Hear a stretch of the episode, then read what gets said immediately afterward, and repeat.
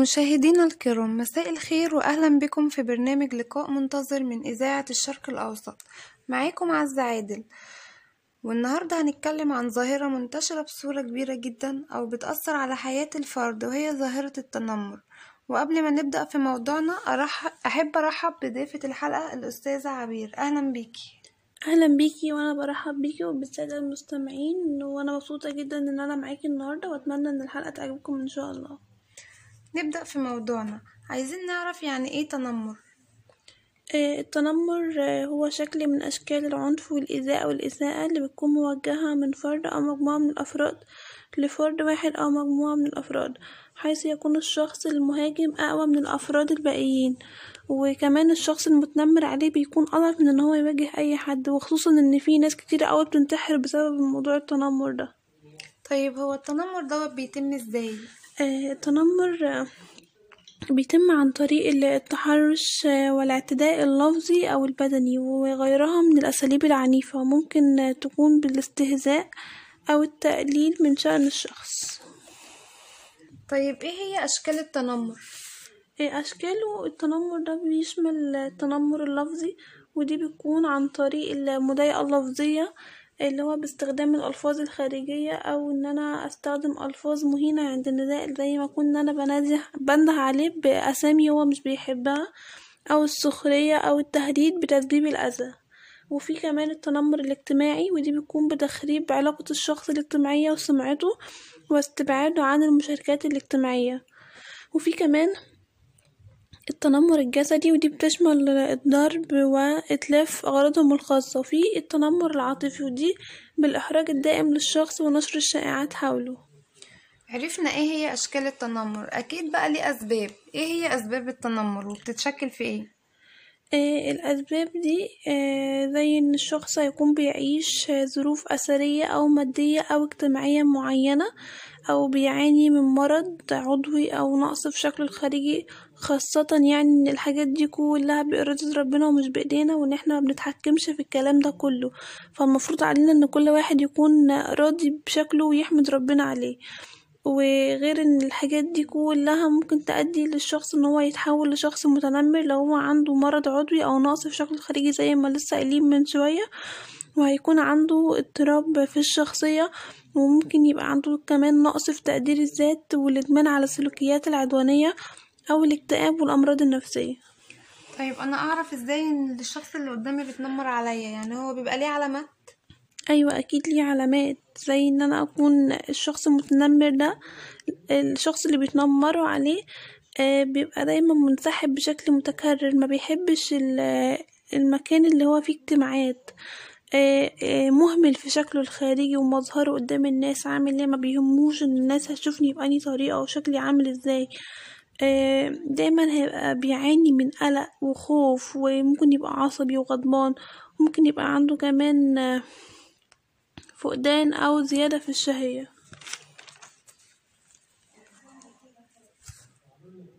طيب إيه هو علاج التنمر؟ العلاج دوت بيعتمد على الأهل أهم حاجة طبعا لأن الأهل هما الأساس هما اللي بيربوا أجيال والمفروض إن الأجيال اللي طالعة دي يكون عندها آه، تقوية في الأخلاق والقيم والمبادئ الدينية من صغرهم وزرع الأخلاق الإنسانية في قلوب الطفل من من آه، من صغره زي التسامح أو المساواة أو الاحترام والمحبة. والتواضع والتعاون ومساعدة الضع- الضعيف وغيرها من من الحاجات الكويسة أو الصفات الكويسة دي. وتربية الأبناء في بيئة بعيدة عن العنف. آه، تعزيز ثقة الطفل. آه، إن هو يبقى عزيز كده وعنده كرامة. آه، قوة الشخصية من صغره. ويكون في علاقة صداقة بين أهل و يعني بين الطفل وأهله. مبقاش خايف منهم. وفي كمان إن أنا أوفر لهم الألعاب اللي هتنمي الذكاء مش أي لعب وخلاص اللي هو يضيع بيها وقته. آه، أخليه يتجنب أوقات الفراغ ما يعملش أي حاجة وخلاص. أخليه يمارس رياضة وكمان أعرفهم عقوبة المولى عز وجل في العقاب الشديد لأي حد بيأذي حد ب... بأي صفة وحشة أو أي حاجة هو بيكرهها. وده كان آخر سؤال. طبعا أنا بشكر حضرتك على وجودك معايا النهارده.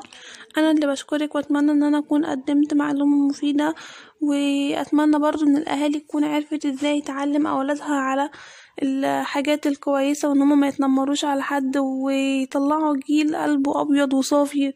ما يبقاش عنده سلوكيات عدوانية أو إن هما يخلي الأولاد تأذي غيرها بكلام مش محبوب. وبكده تكون خلصت حلقة النهاردة واستنونا في حلقة جديدة الأسبوع القادم من برنامج لقاء منتظر والسلام عليكم ورحمة الله وبركاته.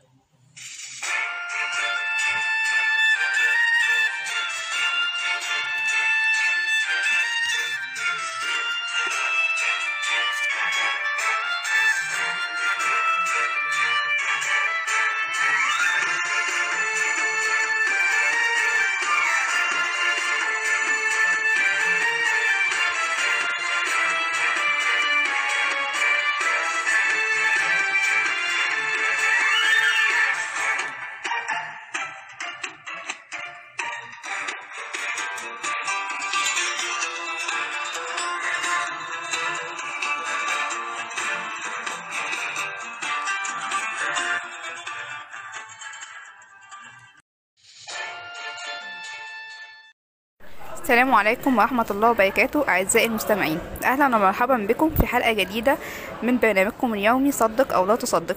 ومعانا ضيفة الحلقة الأستاذة آلاء. نحب نرحب بيها وهي تكلمنا أكتر عن مرض البهاء اللي انتشر في الفترة الأخيرة وزاد التنمر على أصحاب هذا المرض. واتكلمنا عن أسباب هذا المرض وطرق الوقاية منه. وأول سؤال بنوجهه لها ما هو أسباب مرض البهاء؟ أهلا بيكي طبعا وبالساده المستمعين. طبعا أنا مبسوطة إن أنا معاكي وإن أنا هكلمكم عن مرض مهم زي ده ويا رب أقدر أوصل لكم كل المعلومات اللي أنتوا عايزين تستفادوا بيها. طبعا أول حاجة أسباب المرض في جسم الإنسان يتم تحديد لون الشعر والجلد عن طريق مادة الميلانين وبيحدث البهاء ده عندما تموت الخلايا الصبغية وبيرجع ذلك نتيجة مشاكل في الجهاز المناعي لدى جسم الإنسان. طب يا أستاذة آلاء إزاي إن إحنا نقدر إن إحنا نعالج مرض البهاء ده؟ بصي هو لحد دلوقتي لا يوجد علاج له معروف حتى الآن ولكن هناك مستحضرات لتخطيط البقع أو تقليل لونها وبتبقى بتوصل لدرجة الجلد الطبيعي بالظبط. طيب هو البهاء ده بيعد من الأمراض الخطيرة يعني ممكن إن الإنسان يقلق لو المرض ده جاله أو كده؟ لا طبعا البهاء مش مرض خطير ولا حاجة ولكن إن هو بيؤثر على نفسية المريض خاصة لو البقع ديت ظهرت له في الوجه وبيؤدي لاكتئاب وعزلة طبعا عن المجتمع بسبب التنمر اللي ممكن يحصل له بحاجة زي كده. طب تمام ده كلام جميل جدا. طب ممكن نعرف إيه هي عوامل الخطر اللي بتزيد من فرص الإصابة بالمرض ده؟ طبعا بتزيد فرص الإصابة للشخص بهذا المرض إذا كان هناك أقارب في العائلة مصابين بهذا المرض خاصة لو كانوا من الدرجة الأولى مثلا زي الأب وزي الأم مثلا. وبتؤدي ذلك لوجود خلايا سرطان بخلايا الجلد. طيب ممكن أسألك سؤال ثاني؟ معلش في أي عمر يصاب الشخص ده بمرض البهاء؟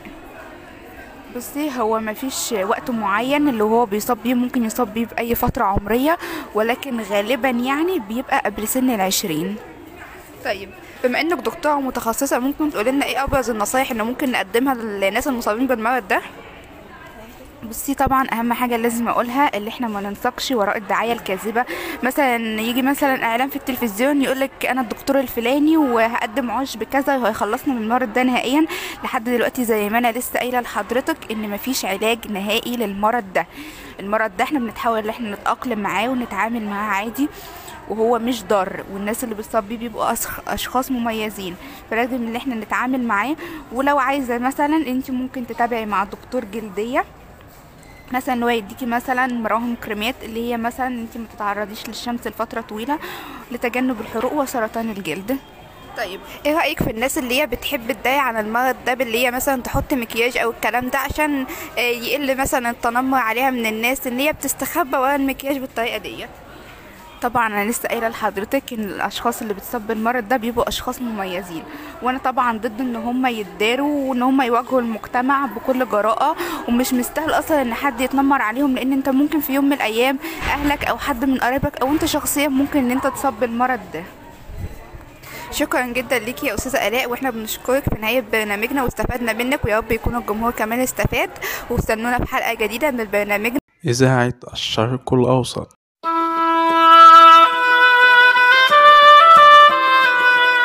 برنامج قضية.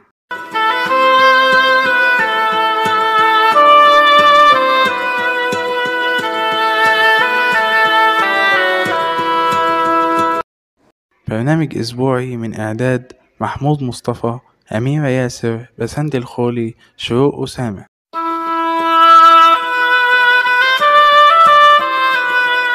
تقديم محمود مصطفى.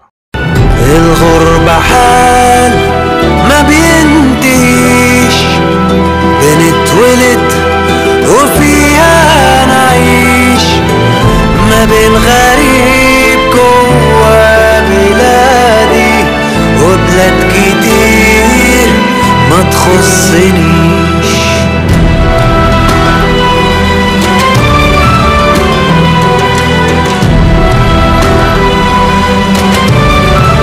سامعين أهلا ومرحبا بكم في حلقة جديدة من برنامجكم قضية.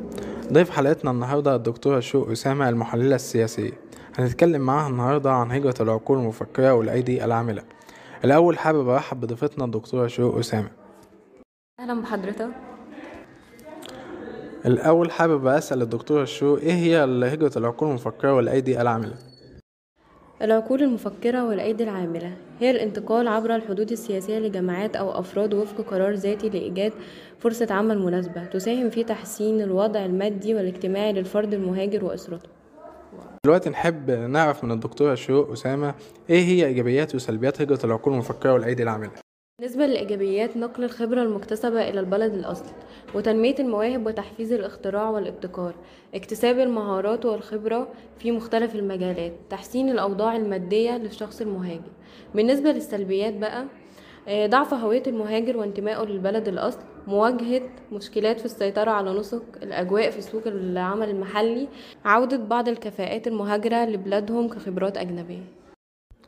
طب دلوقتي يا دكتوره شوق إيه هي الاثار الاقتصادية الناتجة عن هجرة العقول المفكرة والأيدي العاملة؟ الهجرة لها مخاطر كبيرة حيث لها تأثير كبير على الدخل القومي والمستوى العام. الهجرة تؤثر بشكل مباشر على الدخل القومي وعلى البلاد أيضا. كفقد ثانوي وعقول مفكرة ومبدعة تحتاج إليها بشدة التطوير منها. الدول الأوروبية هي المستفيدة منها فالبلاد في حاجة إلى شبابها. طب دلوقتي يا دكتورة شروق هنختم حلقتنا النهاردة بالسؤال ده. ما هي المشاكل المترتبة على هجرة العقول المفكرة والأيدي العاملة؟ في مشاكل كتير بتحصل حيث أثبتت الدراسات أن يوجد 844 ألف شاب مهاجر وخارج البلاد في الدول المختلفة ويوجد 450 شاب منهم أصحاب العقول المفكرة والذين يعتبرون من الكفاءات العالية وهذا يتسبب في فقد نسبة كبيرة من الكفاءات التي تحتاج إليها بلدهم وقلة حجم العمالة المحترفة في بلدهم الأصل وبسبب هجرة العقول وزيادة الفجوة بين الدول المتطورة والدول النامية. شكرا ليك يا دكتورة شروق وفي نهاية حلقتنا بنشكر الدكتورة شروق مرة تانية. وبكده تكون انتهت حلقتنا النهاردة. انتظرونا كل أسبوع ومع قضية جديدة. والسلام عليكم ورحمة الله وبركاته. الغربة حال ما بينتهيش بنتولد ما بين غريب جوا بلادي وبلاد كتير ما تخصنيش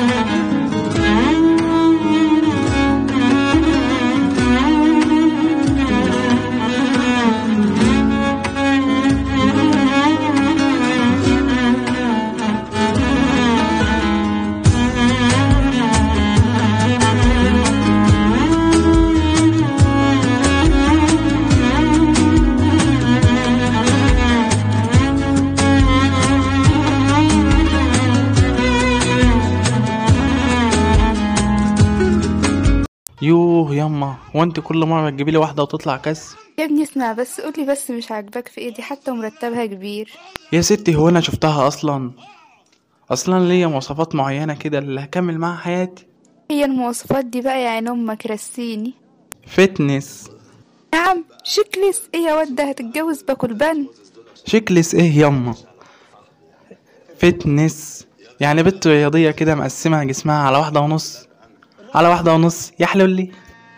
ودي بأمارة إيدي بقى يا عينيا. أمال لو ما كنتش بكرش ها؟ كيفش إيه يما دي شوية لزاليس كده كمني لسه ضارب طبق كشري. إنما إيه؟ استاهل بقك. كشري؟ إيه ده يد أمك؟ اطلع من الدور ده أسره. بكرة هنروح نقابل العروسة وأمها في كافيه كده أو تتعرفوا على بعض. ولو وافقنا بيهم نبقى نروح البيت على طول بقى. إيه؟ مقابلة؟ ومين بقى إن شاء الله اللي هيحاسب على المشاريب؟ هما طبعا يا عين أمك الأصول بتقول كده. مش عاجبهم يا أخويا؟ البنات على قفا مين يشيل. أحبك يما وأنت فهماني.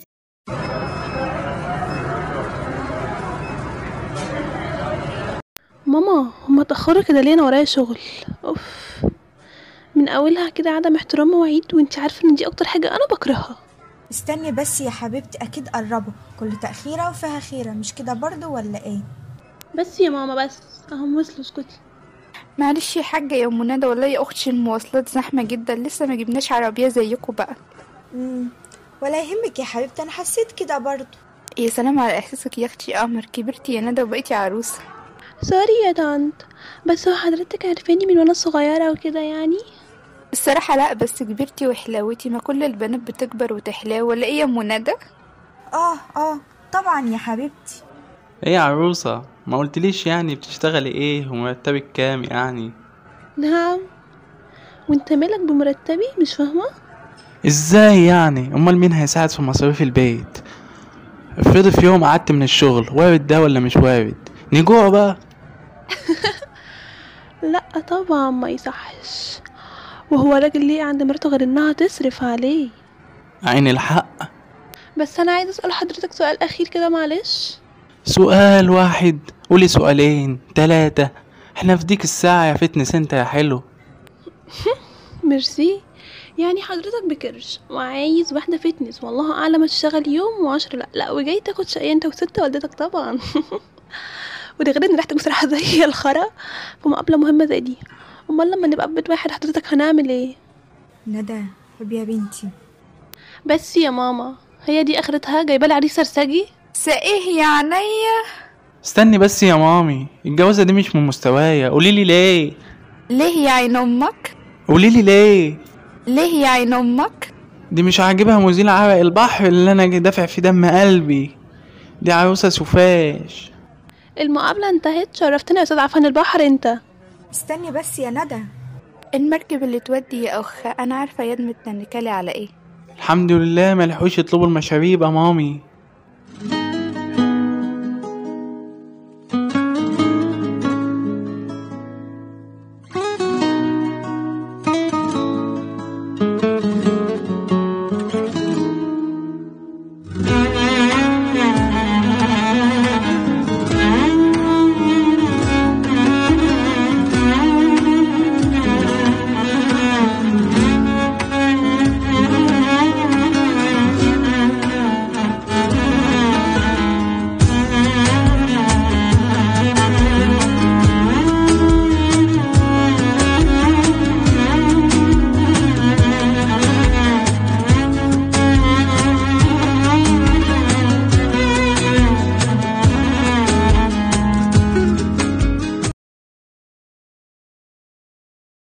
إذاعة الشرق الأوسط.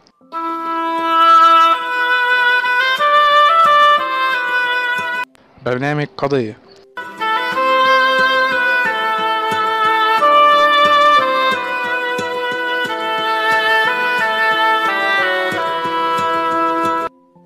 إعداد محمود مصطفى شيماء أحمد عبير عادل لبنى إبراهيم.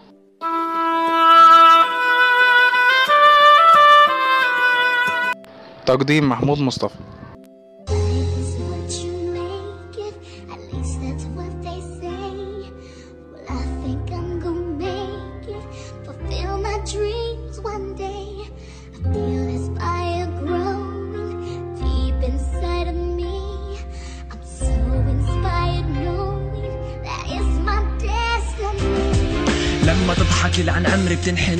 كرمالها امرأة شرقية هي. واثقة بحالها لما تخطي خطوة بتكسر عادات قيود بالية. بمجتمعنا سارية مثل إنه ما شافوا للبنت غير جمالها وسموها بالفاجرة. بتعرف ليش؟ لأن للتخلف كاسرة.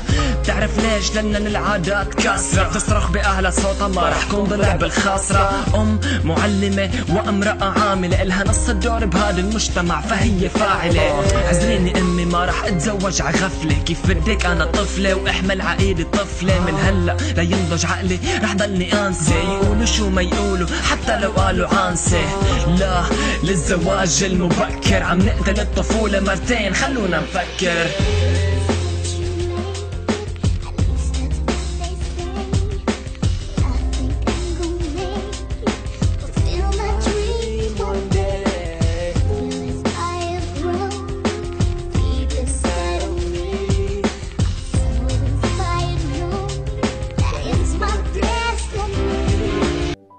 أهلا وسهلا أعزائي المستمعين. نحب نتكلم النهارده عن الزواج المبكر.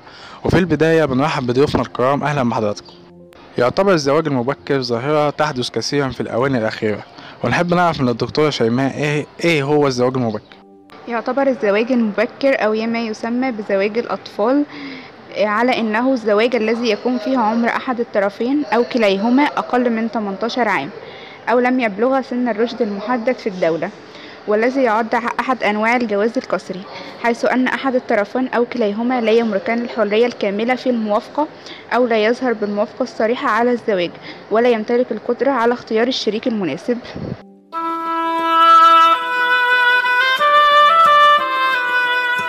انتشار العادات والتقاليد الخاطئة التي تعتبر البنت عار يجب التخلص منها والإسراع في زواجها وإلا جلبت العار لأهلها. النظرة الدونية للمرأة التي يتم اعتبار المرأة كائن لا يصلح إلا للإنجاب. لهذا تتخلص الأسرة من البنات الموجودة فيها من خلال تزويجهن مبكرا. ونحب نعرف من الدكتور عبير إيه, إيه هي أسباب الزواج المبكر تعددت الأسباب ومنها النقطة الأولى محدودية التعليم حرمان الفتاة من التعليم لعدم توافر وسائل النقل الآمنة من المنزل إلى المدرسة وندرة فرص التعليم أدى إلى بقاء الفتاة في المنزل تميل إلى الزواج المبكر. النقطة الثانية ضعف الالتزام بالقانون وتنفيذه. عدم نشر المعرفة الكافية الخاصة بقانون حظر الزواج المبكر عام 2006 ميلاديا وعدم نشر وعدم ثقة المجتمع في المؤسسات المنفذة لهذا القانون. وأيضا الكثير من الأفراد يرون أن التقاليد والأعراف أقوى من القانون والمؤسسات. النقطة الثالثة سوء الوضع الاقتصادي. معظم الفتيات التي تتزوج في سن مبكر تكون من أسرة فقيرة ويعتبر الزواج المبكر بالنسبة لهم تحسين في الوضع الاقتصادي باعتبار المهر المدفوع فرصة لتأمين حياة الأسرة. النقطة الرابعة انعدام الأمن وانتشار الأزمات. في معظم المجتمعات تتعرض الفتاة للاعتداءات والمضايقة البدنية أو الجنسية ونتيجة لذلك لجأ الآباء إلى الزواج المبكر لبناتهم لحمايتهم والحفاظ على سلامتهم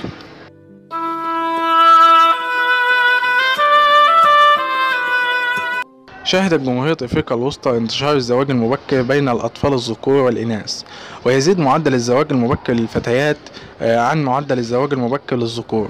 وفي ظل ذلك نحب نحب نعرف من الدكتورة لبنى إيه هي الآثار الصحية والنفسية للزواج المبكر على الفتيات. تكون الفتاة قادرة على الإنجاب فور بلوغها وحدوث الحمل قبل سن ال 15 عام يؤدي إلى نتائج سلبية كفقر الدم وارتفاع ضغط الدم والإصابة بتسمم الحمل والالتهاب في بطانة الرحم وكثرة حالات الإجهاض.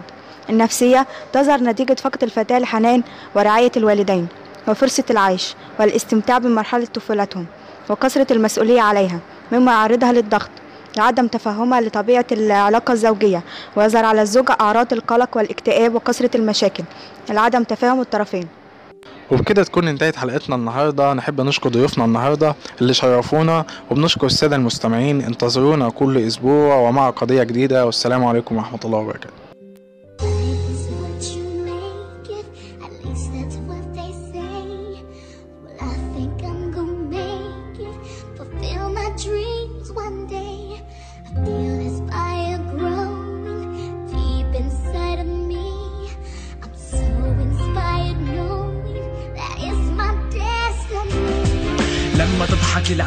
and Helen الدنيا كرمالها امرأة شرقية هي واثقة بحالها لما تخطي خطوة تكسر عادات قيود بالية. بمجتمعنا سارية مثل إنه ما شافوا من البنت غير جمالها وسموها بالفاجرة. بتعرف ليش؟ لأن للتخلف كاسرة. بتعرف ليش؟ لأن للعادات كاسرة. بتصرخ بأهلها صوتها ما رح كون ضلع بالخاصرة. أم معلمة وامرأة عاملة إلها نص الدور بهذا المجتمع فهي فاعلة. عزليني أمي ما رح أتزوج عغفلة كيف بدك؟ أنا طفلة. وأحمل عقيدة طفلة من هلأ لا ينضج عقلي. رح ضلني أنسى يقولوا شو ما يقولوا حتى لو قالوا عانسة لا للزواج المبكر. عم نقتل الطفولة مرتين. خلونا نفكر.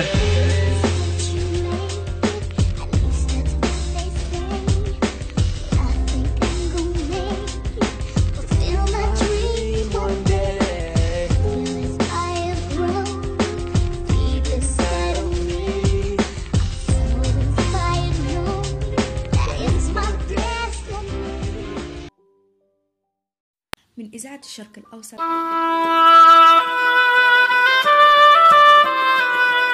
برنامج قصص الأطفال.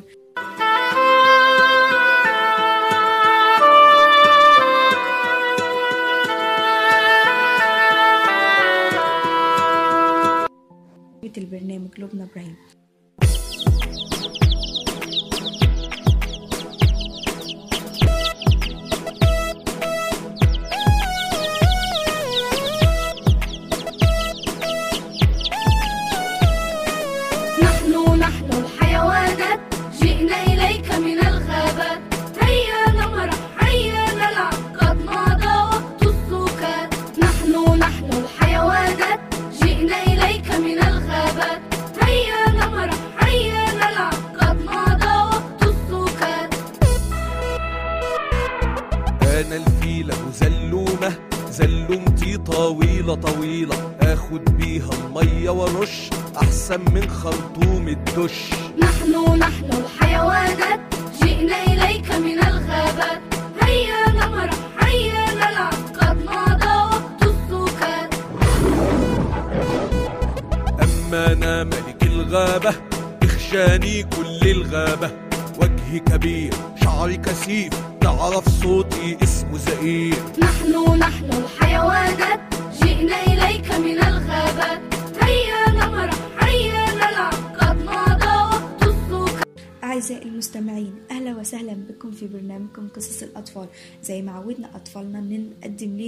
كتير. النهاردة هنحكي لكم قصة جديدة وهي قصة الأسد والفار. في يوم من الأيام كان هناك أسد وكان ملكا للغاب وفي يوم بعد أن تناول وجبته نام الأسد تحت الشجرة. فرآه فأرا صغير وظن أن اللعب على الأسد سيكون ممتعا. فبدأ يلعب ويقفز على الأسد النائم. وتسلق الذيل وانزلق من على الذيل استيقظ الأسد غاضبا وظأر بشدة. وأمسك الفأر بمخالبه الضخمة حاول الفأر الهروب لكنه فشل. فتح الأسد فكه الكبير ليبتلع الفأر وكان الفأر مذعورا. الفأر أنا خائف أيها الملك أرجوك أرجوك لا تأكلني. سامحني هذه المرة. أرجوك دعني أرحل لن أنسى جميلك وسأساعدك يوما ما. تعجب الأسد. كيف لفأر صغير مثله؟ أن يساعدني ولكنه فتح مخالبه وحرر. وبعد عدة أيام كان الأسد يتجول في الغابة وكان هناك صيادان قد نصب له فخا واختبأ الصيادان على الشجرة في انتظار أن يخطوا في الفخ. وبمجرد وصوله شد الحبال بقوة وعلق الأسد في الشباك. زأر الأسد عاليا.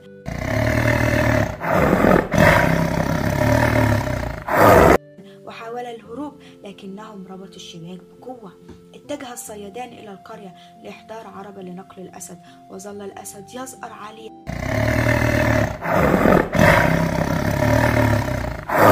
وسمعه كل حيوانات الغابة بما فيهم الفأر. الفأر. الملك في مأزق يجب أن أرد له الجميل. وصل إلى الأسد بسرعة. لا تقلق يا سيدي أنا سأحررك. وتسلق إلى الفخ واستخدم أسنانه الحادة لقطع الحبال. وأخيرا حرر الأسد من الفخ. وتعلم الأسد أنه حتى الفأر الصغير بإمكانه فعل الكثير. الأسد شكرا أيها الفأر. من الآن أنت صديقي وستعيش بأمان في غابتي. أنقذت حياة الملك وأصبحت من هذه اللحظة أمير الغابة. الفأر شكرا يا سيدي. مع السلامة أراك راحقا. الأسد شكرا أيها الفأر من الآن أنت صديقي وستعيش بأمانة في غابتي. أنقذت حياة الملك وأصبحت من هذه اللحظة أمير الغابة. الفأر شكرا يا سيدي. مع السلامة أراك لاحقا. الأسد إلى أين أنت ذاهب؟ ألا تريد اللعب والتزحلق على ذيلي؟ ولعب الفأر وقفز وانزلق على ذيل الأسد وبعد قليل عاد الصيادان ومعهما العربة لحمل الأسد ولما رآهما الأسد جري نحوهما بسرعة. وزأر زئيرا مخيفا.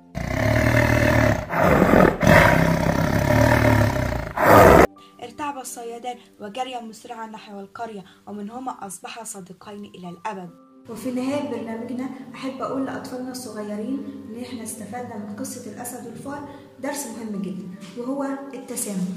لأن التسامح من خير الصفات التي وهبها الله إلينا. فلو افترضنا أن الأسد لم يسامح الفأر وأكله لكان مصير الأسد إلى الهلاك من الصيادان ولم يأتي أحدا من الغابة لمساعدته. وفي الختام أود أن أخبركم بأن الدين الإسلامي حثنا على نشر التسامح بين الناس حتى ينتشر الحب والمودة. ويقلل نسبة العنف في المجتمع وندعو الله أن يجملنا بالتسامح والرضا والأخلاق الحميدة. وأن نتسامح مع بعضنا البعض حتى ننشئ جيلا سويا ويكون لنا مستقبل زاهر. وكما أوضحت الدراسات العلمية أن الأشخاص المتسامحين يكون لديهم مستوى أعلى من المناعة في الجسم. أعزائي المستمعين من كل مكان وصلنا إلى نهاية برنامجنا الإذاعي وأشوفكم في حلقة جديدة الأسبوع القادم. مع السلامة. كانت معكم مقدمة البرنامج لبنى إبراهيم من إذاعة الشرق الأوسط.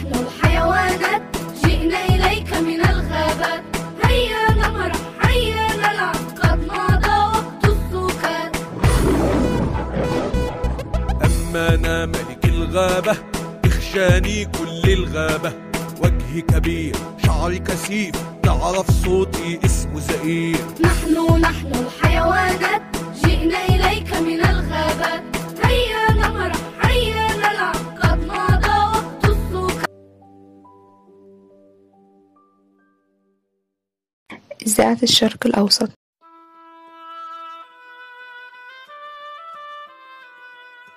برنامج صباح الخير.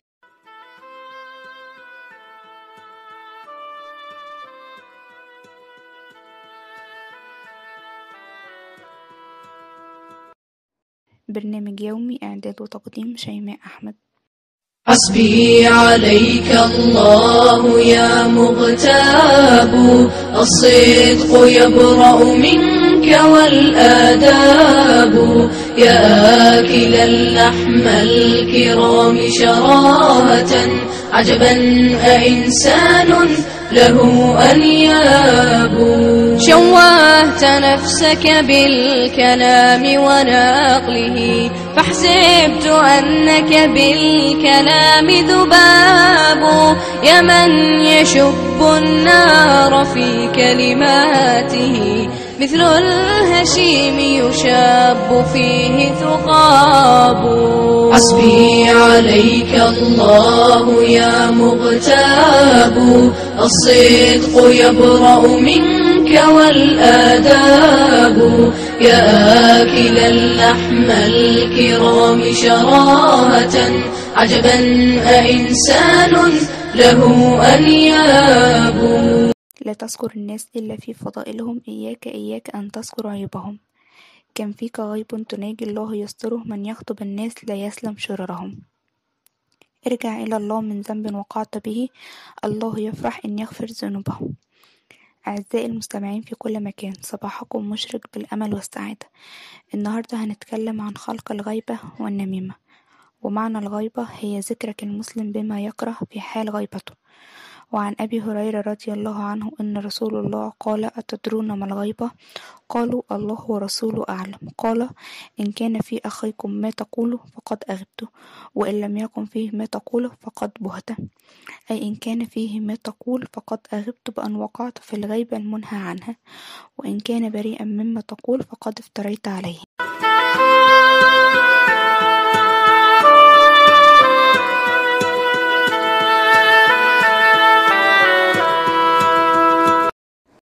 إن كبائر الذنوب هي سبب كل شقاء وشر وعذاب في الدنيا والآخرة وشر الذنوب والمعاصي ما عظم ضرره وزاد خطره وإن كبائر الذنوب والمعاصي الغيبة والنميمة. وقد حرمها الله في كتابه وعلى لسان رسوله لأنها تفسد القلوب وتباعد بينهم وتزرع الشرور وتولد الفتنة وتجر إلى عظيم من المهلكات وتنقص الحسنات وتزيد من السيئات وتقود إلى الهون والمذلة. وإن النميمة نوع خبيث من أنواع الغيبة فالنميمة نقل كلام الناس بعضهم إلى بعض للإفساد بينهم. قال تعالى في ذم النمام لا تطع كل حلاف مهين هماز مشاء بنميم مناع للخير معتد أثيم. وعن حذيفة رضي الله عنه قال رسول الله لا يدخل الجنة نمام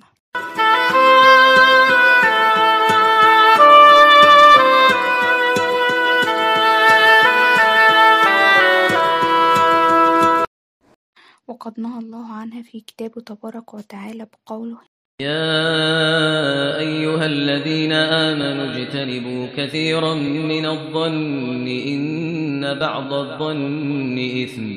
ولا تجسسوا ولا تجسسوا ولا يغتب بعضكم بعضا. أيحب أحدكم أن يأكل لحم أخيه ميتا فكرهتموه. واتقوا الله إن الله تواب رحيم. أوصيت بدوية ابنها إياك والنمائم فإنها تزرع الطاغين ولا تجعل نفسك عرضاء للرمي فإن الهدف إذا رمى لم يلبس أو ينسى وقيل من سعى بالنميمة حذره البعيد ومقته القريب. فإياك والغيبة والنميمة فقد حذرنا منها رسول الله ويجب أن نصون ألسنتنا من الكلام المقول. وعن أحد الصحابة يقول قلت يا رسول الله إن لمؤخذون بما نتكلم به فقال سكلتك أمك وهل يكتب الناس في النار على وجوههم إلا حصاد ألسنتهم؟ وفي نهاية حلقتنا النهاردة بنصح الأمة الإسلامية بالابتعاد عن الغيبة والنميمة وصون ألسنتهم من الكلام السيء. ونفكركم بقول الشاعر وأقبح القبائح الوخيمة الغيبة الشنعاء النميمة. فتلك والعياذ بالرحمن موجبة الحلول في النيران. حسبي عليك الله يا مغتاب الصدق يبرأ منك والآداب. يا آكل اللحم الكرام شراهة عجبا أإنسان له أنياب.